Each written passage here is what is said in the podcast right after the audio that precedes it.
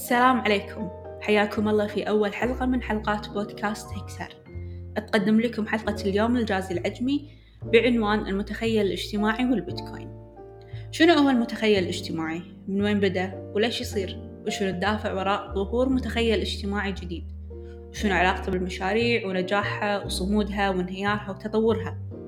راح نستعرض لكم أمثلة تاريخية وشلون الناس أو علماء النفس ربطوا المتخيل الاجتماعي بالتسويق شنو الشركات العملاقة والكبيرة اللي خلقت متخيل اجتماعي تبنوا الناس وهل هذا له علاقة بظهور العملات الإلكترونية أو لا؟ وبالنهاية راح نقول لك شلون ممكن تطبقه على مشروعك من ناحية الفكرة والتسويق. كل هذا وأكثر راح تعرفونه بحلقة اليوم. من خلال رحلة الإنسان وتطوراته على مر العصور تخلل حياته العديد من المتخيلات الاجتماعية. بس شنو يعني متخيل اجتماعي؟ هو إيمان بموضوع معين. أو اعتقاد مشترك عند مجموعة واسعة من الناس وممكن مجتمع كامل عنده هذا الاعتقاد. وأحب أنوه على أن تفسير علم سلوك الإنسان والتسويق هما وجهان لعملة واحدة. عبر التاريخ ومع تطور الإنسان ظهرت العديد من المتخيلات الاجتماعية الجمعية من لما بدأ اعتماد الإنسان على الصيد تغير الجو من حر وبرد وأمطار ومواجهة الحيوانات المفترسة طول اليوم خلى الإنسان القديم يبحث عن الاستقرار ويفكر بالمستقبل عشان ما يقضي طول اليوم بالصيد. ومن هني ظهرت تربية الحيوانات والرعي. فصار كل واحد يربي حيوانات الخاصة فيه اللي توفر الغذاء والحليب والبيض واللحوم وغيره.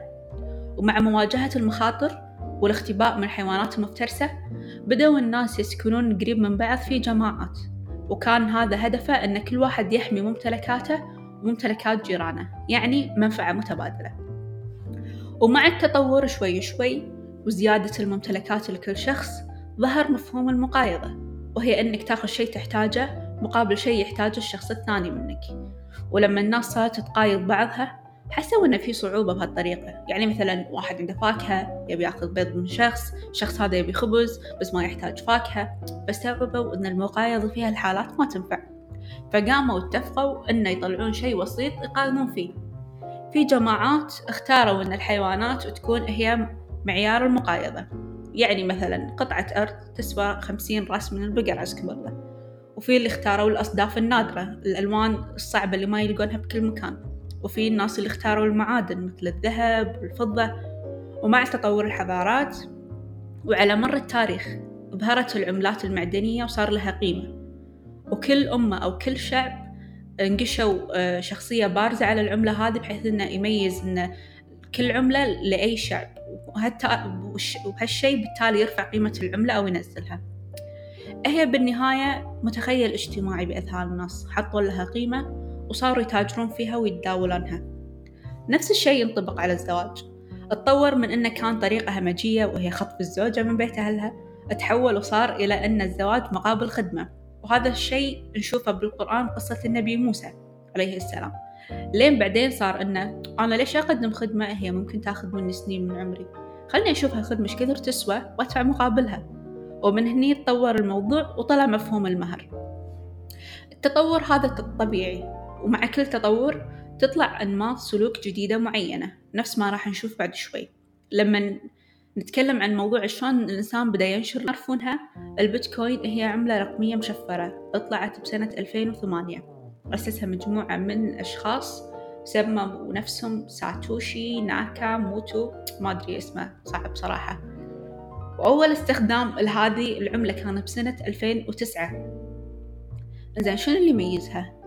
نفس ما قلت لكم هي تستخدم نظام التداول بدون بسيط بدون البنوك وبدون أي عملة. وهذا الشيء خلاها غير قابلة للتتبع وما تخضع لأي تنظيم حكومي. واللي طرحوا العملة هذه كان هدفهم الأساسي هو تغيير الاقتصاد العالمي. وفعلا نجحوا بهذا الشيء. ولأن انخلق متخيل اجتماعي جديد بدأت تتزايد قيمة هذه العملة. وبدأوا الناس يتابعون الأخبار ويحللونها ويتابعون قيمتها السوقية كل يوم. لدرجة أن في فترة من الفترات وصلت قيمة البيتكوين الوحدة أربعة وخمسين ألف دولار. متخيلين؟ وهي أساسا ما لها وجود على أرض الواقع. وطبعا كأي متخيل اجتماعي جديد ولأن العملة هذه بتغير وجه الاقتصاد للحين الدول ما اعترفت فيها كعملة رسمية. ما عدا ألمانيا اعتبرتها نقود إلكترونية وممكن بالمستقبل يطبقون عليها نظام الضريبة.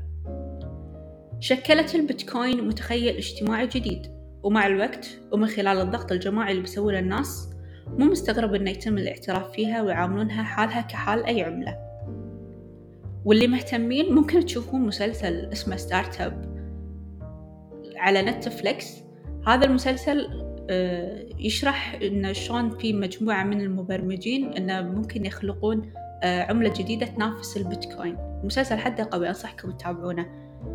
إنزين أنا شلون أستفيد من هذا كله؟ وشلون أطبقه على مشروعي؟ أو حتى حياتي بشكل عام. أنا أقول لك. أنت كصاحب مشروع علشان تنجح بشكل خرافي وخر شوي عن الطرق التقليدية بإنشاء هيكل مشروعك وتسويقه. وجرب تستخدم مفهوم المتخيل الاجتماعي علشان تزيد ولاء الناس لعلامتك التجارية وتخلق شيء جديد ومميز. عندك Airbnb على سبيل المثال. هذا الموقع الإلكتروني اللي لما تبي تسافر تحجز منه. ما تحجز فندق تحجز غرفة ببيت مع ناس تسكن معاهم.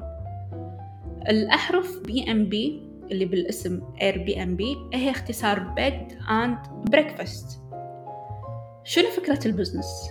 فكرته الله يسلمك إنه يلغون طرق الحجز التقليدية للفنادق والبيوت لما نسافر ويبدلونها بتجربة جديدة على الناس وهي أن أصحاب العقار المحليين بالدولة اللي تبي تروح لها يعرضون عقارهم بالموقع يأجرون غرفة أو دور أو شقة أو اللي متوفر عندهم. وأنت تحجز عندهم بدل ما تحجز بالفندق. ويوفرون لك كل شيء من ضمنها وجبة الإفطار.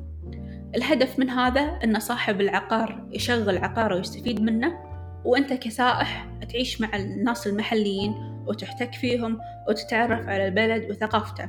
والأهم أنك توفر فلوسك بدل ما تحجز بفندق خمس نجوم. إذا أنت تحب طريقة السفر هذه طبعا. الفكرة أول ما طلعت كانت شوية غريبة بس مع الوقت صار في إقبال قوي عليها والناس حبتها. والجدير بالذكر أن شركة Airbnb ما تملك ولا عقار. راس مالها website و application تديره نفس الشيء ينطبق على أوبر وشلون غير مفهوم استئجار التكاسي؟ وخلق متخيل اجتماعي جديد وانتشر كل دول العالم.